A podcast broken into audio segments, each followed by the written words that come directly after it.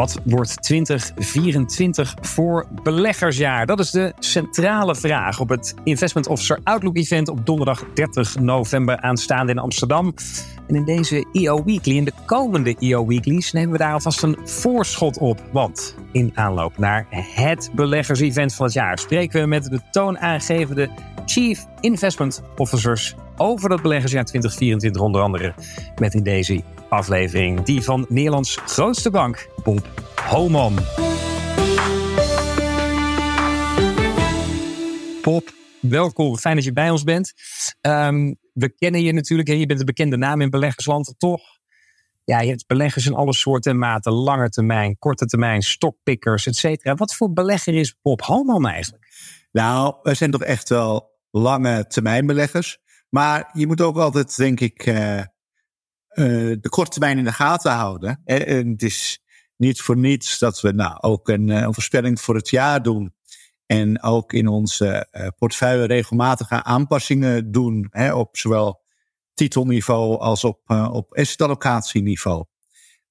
om te proberen de, de markt te verslaan. Ja, is dat ook een beetje dan druk van klanten? Want je zegt, we zijn lange termijn beleggers, maar ja, klanten die leven toch wat meer bij de waan van de dag. Is dat dan ook waarom je toch die korte termijn een beetje in de gaten moet houden, Bob? Nou ja, ik denk dat misschien die klanten die daartoe dwingen, maar en, en de benchmark ook. Hè, dat uh, is, er wordt soms zelfs op benchmark afgegeven. Maar ik denk ook dat dit jaar laat zien dat die benchmark echt zo belangrijk uh, is om in de gaten te houden.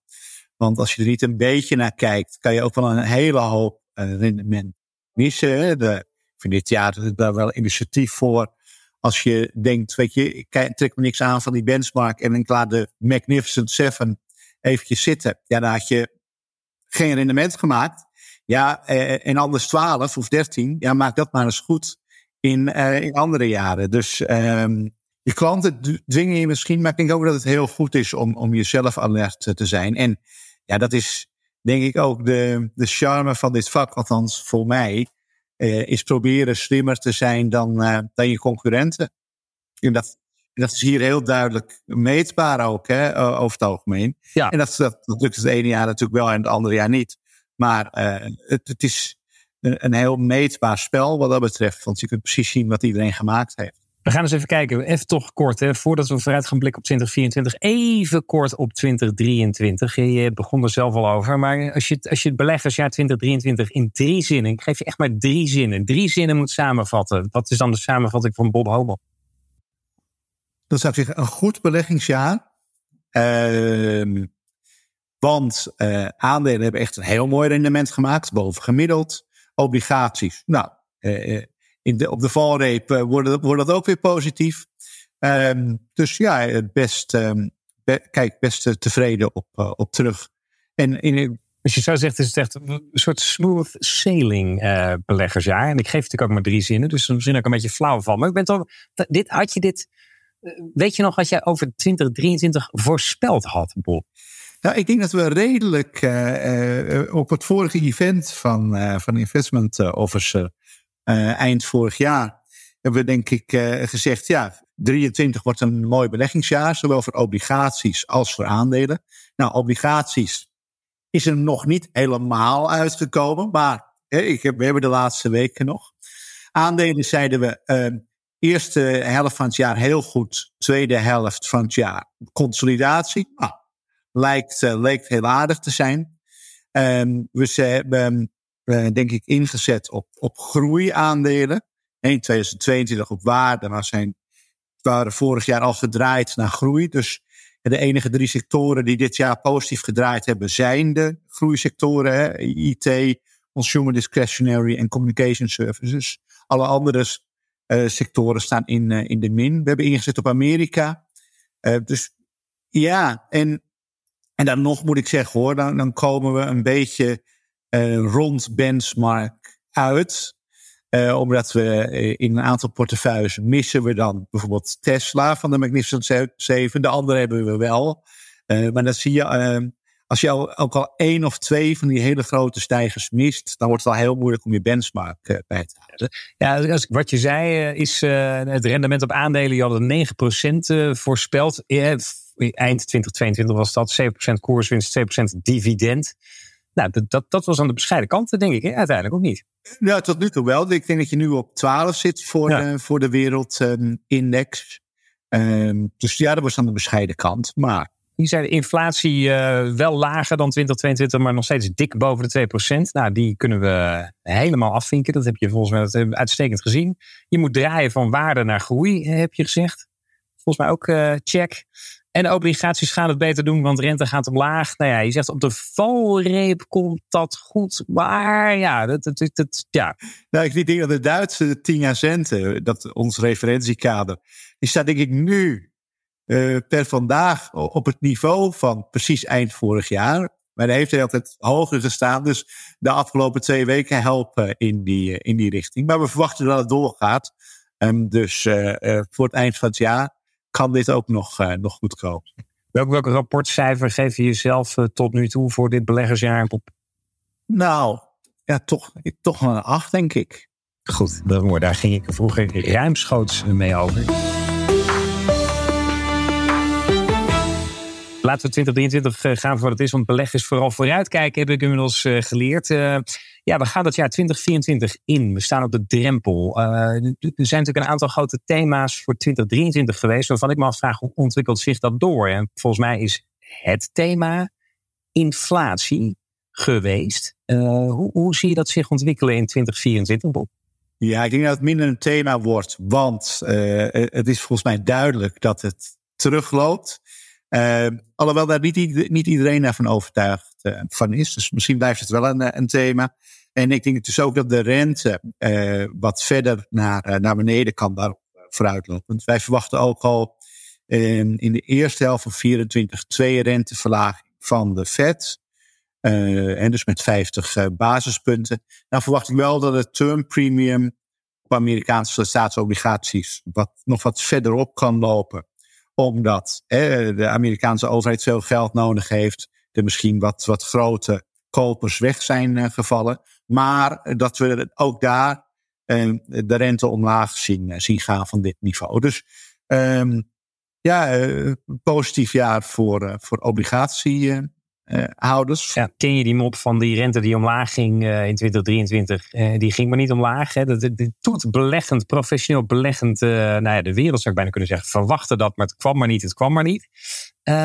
wat maakt jou zo zeker dat dat in 2024 dan wel zo gaat? Nou ja, omdat die inflatie nu echt op een neerwaarts pad is. eigenlijk overal in de wereld. En ten tweede ook omdat ik niet zo positief ben over de Amerikaanse economie. Eh, ik denk dat die recessie die de hele tijd eh, uitgesteld wordt, toch uh, wat later wellicht uh, wel komt. Uh, en dat, en er zijn misschien wat inflatoren, omstandigheden veranderd in, in de wereld, waardoor je kan zeggen op lange, lange termijn inflatie zal wat hoger zijn dan voorheen. Maar ik denk dat die korte cyclus daarin veel belangrijker is. En uh, die inflatie misschien nog wat sneller naar beneden brengt dan, uh, dan de markt nu verwacht. Ja, want over de Amerikaanse economie, die leek dit jaar niet kapot te krijgen, ondanks allerlei uh, renteverhogingen. Maar als ik jou zou beluisteren, en dat kan je ook wel lezen, maar ik, dat is een beetje waar je bedoelt, denk ik. Dat het, ja, de running out of luck zou je bijna kunnen zeggen. Alles wat het tot nu toe omhoog hield, dat, dat, daar zijn ze een beetje doorheen. En, en ze gaan nu de prijs betalen. Is dat uh, samengevat wat je ziet gebeuren? Verwacht? Nou ja, de, de, of nou echt een hele dikke prijs betalen wordt, weet ik niet. Maar, um, want er zijn ook wel een paar positieve factoren, denk ik. Maar inderdaad, het geld van de Amerikaanse consument, die extra besparingen, nou, zijn we wel zo'n beetje doorheen. Die inhaalvraag naar, naar diensten, naar uh, COVID. Want we, ook dit jaar hebben we nog de gevolgen van COVID in de economie uh, gemerkt. Die extra vraag naar diensten is ook wel een beetje over. Het goede nieuws is wel dat de, de productiesector, die, die eigenlijk al een recessie gehad heeft, eh, eh, want daar waren overbestedingen tijdens corona, nou, die zijn verwerkt. Die komt nu weer wat op. De servicesector had overbestedingen in mijn ogen afgelopen jaar. Nou, die valt nu wat terug. Maar die, juist om die productiesector, en dat zie je ook in de chipsector uh, terug, hè, die lijkt ze dal al gehad te hebben biedt dat wel een, ehm, een compenserende factor. Dus daarom denk ik dat de recessie helemaal niet zo diep hoeft te worden. Arbeidsmarkt is ook nog goed. Tegelijkertijd denk ik wel, iedereen gaat voor die hele milde recessie. Ja, kijk daar ook een beetje mee uit. Want in een recessie komt altijd iets, iets van ellende naar boven. Die uh, normaal onder het oppervlak, ja. uh, oppervlak blijft. Dus als ik uh, samengevat, nou, verwacht wel degelijk een renteverlaging. Inflatie naar beneden, renteverlaging dient ten gevolge.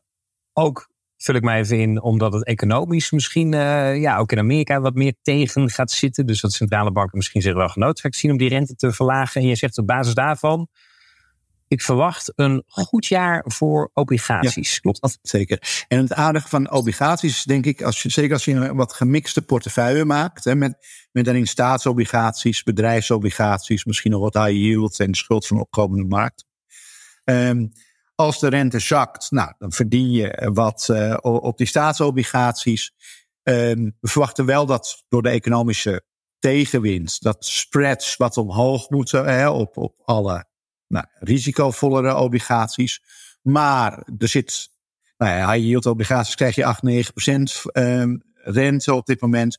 Dus er zit aardige buffer in. Dus er mag ook wat uh, risicoopslag voor, uh, voor terugkomen zonder dat het negatief wordt. En het aardige is, in een, stel je voor dat die recessie er niet komt en de inflatie hoog blijft. Nou, dan verlies je wat op je. Dan kunnen spreads naar beneden. En aan de andere kant is de recessie wat dieper dan verwacht zal je rente wat harder vallen. Gaan spreads weliswaar wat meer omhoog, maar dan verdien je wat op die staatsobligaties. Dus je moet het wel in een mix doen dat je niet uh, gelijke porties he, hebt. Je staatsobligaties moeten ongeveer de helft zijn, dan misschien nog een kwart in, uh, in gewone bedrijfsobligaties en dan nog een kwart in high yield en END samen. En dan heb je denk ik een mooie mix waarbij je zowel in een positief als in een negatief scenario, zoals wij dat nu berekenen in ieder geval, rond een procent of zeven uitkomt. En in het, in het middenscenario ook. Dus ja, dat, dat lijkt dan bijna, maar dan moet je altijd mee oppassen wat je zegt. Lijkt bijna een no-brainer. Ja, nee, precies. Want dat is natuurlijk ook een. Uh, want als je zegt, joh, ik verwacht een goed obligatie, ja, dan ben je daar niet de enige in. Uh, in het uh, BNR beleggerspanel van afgelopen week sprak Corné van Zijl zich daar ook over uit. Ik wil je graag even een stukje laten luisteren. Dat vind ik altijd een beetje schokkend als de consensus zo overduidelijk is. Hè, ze houden deze enquête al sinds 2003. En het hoogste cijfer voorheen was 35 procent. Zo. Dus ja, de consensus is duidelijk. Je gaat een bak geld verdienen met je obligaties. En als de consensus zo overduidelijk is, moet je altijd een beetje voorzichtig zijn. Wat zijn de risico's van die eensgezindheid dan? Nou, dat uiteindelijk uh, het tegenovergestelde scenario uitkomt. En dat hebben we bijvoorbeeld vorig jaar heel duidelijk gezien. Amerika en Europa zouden in een recessie komen. Dat is allebei niet gebeurd. De beurs zou het eerste half jaar naar beneden gaan. Zouden in een energiecrisis komen in Europa. Um, en het tweede half jaar zou de beurs herstellen. En je ziet bij al, en je, moest in emerging markets beleggen. Nou, al die consensus dingen zijn allemaal niet uitgekomen. En iedereen tegenovergesteld. Dus je moet altijd een beetje voorzichtig zijn. Of zoals ik altijd zeg, als je doet wat iedereen doet, dan verdien je wat iedereen verdient. En dat is meestal niet zoveel. Ja, dat het tegenovergestelde scenario uitkomt. Uh, Bob. Ja, ik denk dat uh, Corné daar over het algemeen iets zegt wat, wat hoe ik er vaak ook in zit. Ga vaak een beetje tegen de meute in. Maar in dit geval uh, durf ik met, uh, met de meute mee te gaan. Uh, dan moet je, ook, je moet flexibel zijn en af en toe ook uh, van, nou ja, ik ben zelf toch ook wel vaak een iets contraire belegger. Maar af en toe moet je ook flexibel zijn en, en meedenken. Ja, het is goed om contrair te denken, maar in dit geval is het, is het bewijs overweldigend dat je niet contrair moet willen gaan. Dus zo vat ik het even samen, Bob obligatiedossier. Ja, overweldigend is het natuurlijk altijd. Je, je kan natuurlijk ook best een heel negatief scenario bedenken waar mensen het vertrouwen verliezen in bijvoorbeeld uh, overheden, met name de Amerikaanse overheid, onder die schuld zo snel groeit. Ik denk dat het uiteindelijk ook wel een probleem is, maar dat dat zich in 2024 nog niet openbaart.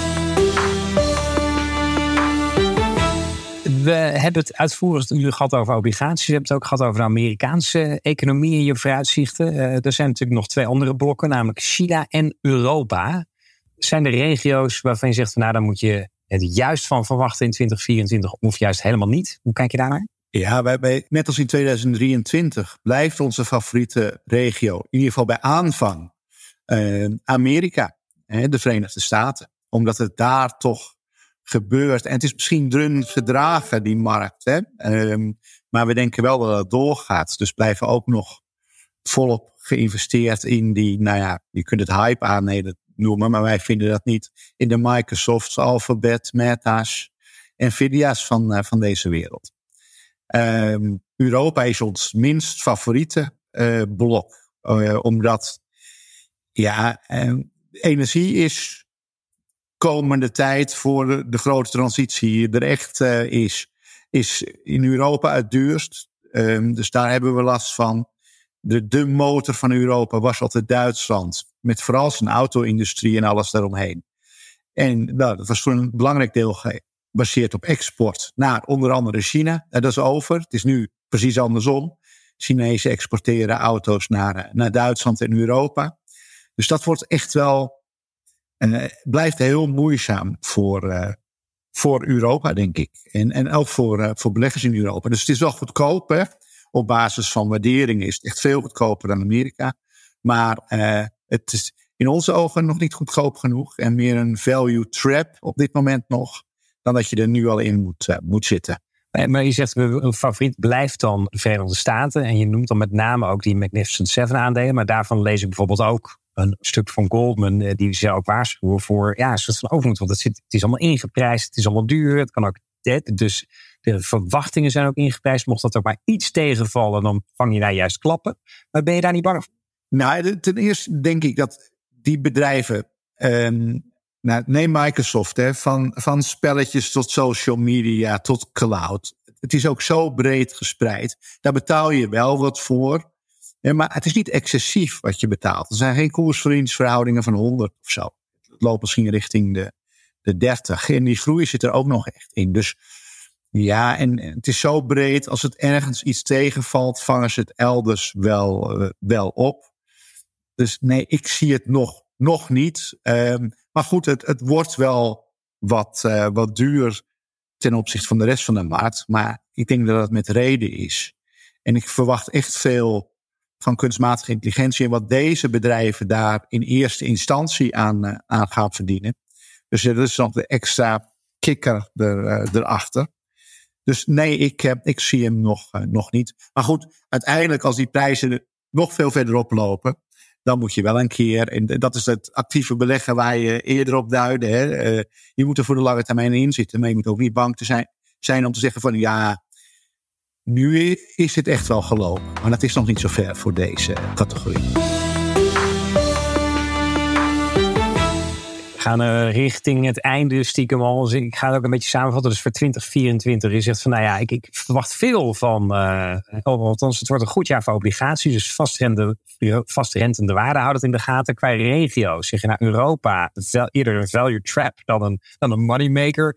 Uh, Amerika blijft favoriet. Ik proef daaruit ook dat je zegt van nou ja, als je moet kiezen tussen groei of waarde, dat je dan dus toch wat meer groei adviseert. En, en, en in, China, hoe kijk je daar naar? Ja, we zitten er neutraal in. Ik zou eerder nog iets positiefs zijn dan, uh, dan negatief. Omdat het heel goedkoop is. De ellende die er is, en die is er zeker, die is wel zo'n beetje bekend. En ik denk ook dat je niet moet, moet, moet vergeten, juist door die geopolitieke spanningen tussen, en dan doe ik nu tussen Amerika en China, waarbij China gedwongen wordt om zelf die IoT-industrie goed op te bouwen. Jij, eh, eh, laatst kwam, kwam naar voren dat Huawei volgens mij ook chips had die eh, bijna net zo goed zijn als die van Nvidia. Ja, um, dat zijn wel mooie kansen. Ja, ja dus dat is ook wel. Dus je, door die geopolitieke ontwikkeling uh, waar uh, de, de VS barrières opwerpt, wordt China gedwongen zelf het wiel uit te vinden. En je zegt van nou, het kan best wel zijn dat dat achteraf zal blijken dat ze dat, uh, dat, ze dat eigenlijk heel sterk gemaakt heeft. Dus dat ja, zou absoluut. voor de lange termijn een interessante ontwikkeling zijn om vast te houden. Nou ja, Bob, we gaan je natuurlijk live zien op 30 november op het Outlook Event. Daarin ga je in debat met andere Chief Investment Officers die wij de komende weken ook gaan spreken. Waaronder bijvoorbeeld Luc Abe, maar um, ook uh, Tofik Boesema van de Rabobank zal er zijn en uh, Han Diepering van Horeus. Wie van die drie, uh, wie, waarvan zeg van die zit, daar, die is het meest contrair aan mij? Goh, um, ik durf het eigenlijk niet te zeggen. En, en misschien, dat klinkt een beetje stom, maar ik volg de andere banken niet of nauwelijks. Dat is wel grappig. Ik word vaak door adviseurs bijvoorbeeld, eh, van Oh, uh, let op, de, deze en deze bank is onderwogen gegaan. In juli zit er nog overwogen. Vind je dat niet eng? Nee joh, je moet je eigen koers varen en niet naar anderen kijken. Dus ik weet niet wie het meest uh, contrair aan ons zit. Je leest ook niet hun stukjes en hun uitingen? Je, nee. ik, nou, ik lees, uh, moet ik je eerlijk zeggen, die stukjes van Han Dieperink af en toe, omdat ik die gewoon hartstikke leuk vind. Uh, hoe hij dat schrijft en altijd originele ideeën heeft. Maar hoe, wat nou precies zijn beleggingsstandpunt op dit moment is, zou ik eigenlijk niet durven zeggen. Dus je gaat met open vizier in. Je weet niet hoe waar die anderen mee komen. Het is het, uh, hoe bereid je je voor op dit zo'n debat, uh, Bob? Heel eerlijk, niet. nee, weet je, ik denk dat je genoeg parate kennis moet, uh, moet hebben in dit vak om, om mee te kunnen komen in een, in een debat. Dus ik hou er ook nooit van, van debatten waarvan je tevoren de, van tevoren de vragen al weet. Want dan weet ik dat anderen in het voordeel zijn, omdat die zich misschien wel voorbereiden. En ik, ondanks dat ik denk, ik moet het eigenlijk doen, het, ik, uiteindelijk weet ik het toch niet. We gaan toch, uh, de, we, volgende week uh, spreken we met Luc Abe. Hè? Die wil het vooral over geopolitiek gaan hebben. Uh, mag je hem toch een beetje pesten, Bob? welke vraag moeten we zeker meenemen? Hoe kunnen we hem volgende week het vuur in de schenen leggen? Nou, als we het dan over geopolitiek hebben. Ik vind geopolitiek super interessant. Ik vind het alleen weinig relevant voor beleggers. En ik ben wel benieuwd hoe, uh, hoe Luc daar dan tegenaan kijkt. Als hij dit een, uh, wel een belangrijk onderwerp vindt. Waarom vind jij het weinig relevant voor beleggers? Tot slot. Ja, je, je kan er zo weinig mee. En misschien dat China-Amerika verhaal kan je wel wat mee. Maar wat kan ik nu met een oorlog in het Midden-Oosten? Uh, ik kan. Ja, moet ik daarop vooruitlopen dat de olieprijs dan misschien heel hard omhoog gaat? Ja, uh, het zijn van die binaire kansen. Daar kan ik weinig mee. Goed, we gaan volgende week van Luc Abe horen of en hoe hij er wel wat mee kan. Uh, voor nu, dankjewel Bob Halman, Chief Investment Officer van ING. Uh, zal te gast zijn op het Investment Officer Outlook Event op 30 november aanstaande en daar in debat gaan. Deelde nu alvast zijn uh, visie op 2024. Later daarover dus meer. Bob, nogmaals dank en graag tot de volgende. Graag gedaan. Deze podcast is mede mogelijk gemaakt door State Street Spider ETF's, aanbieder van de meest liquide ETF ter wereld. Let op, beleggen is onderhevig aan risico's en kosten. In het verleden behaalde resultaten bieden geen garantie voor de toekomst. Lees altijd de essentiële beleggersinformatie. Ga voor meer informatie naar ssga.com/etf's.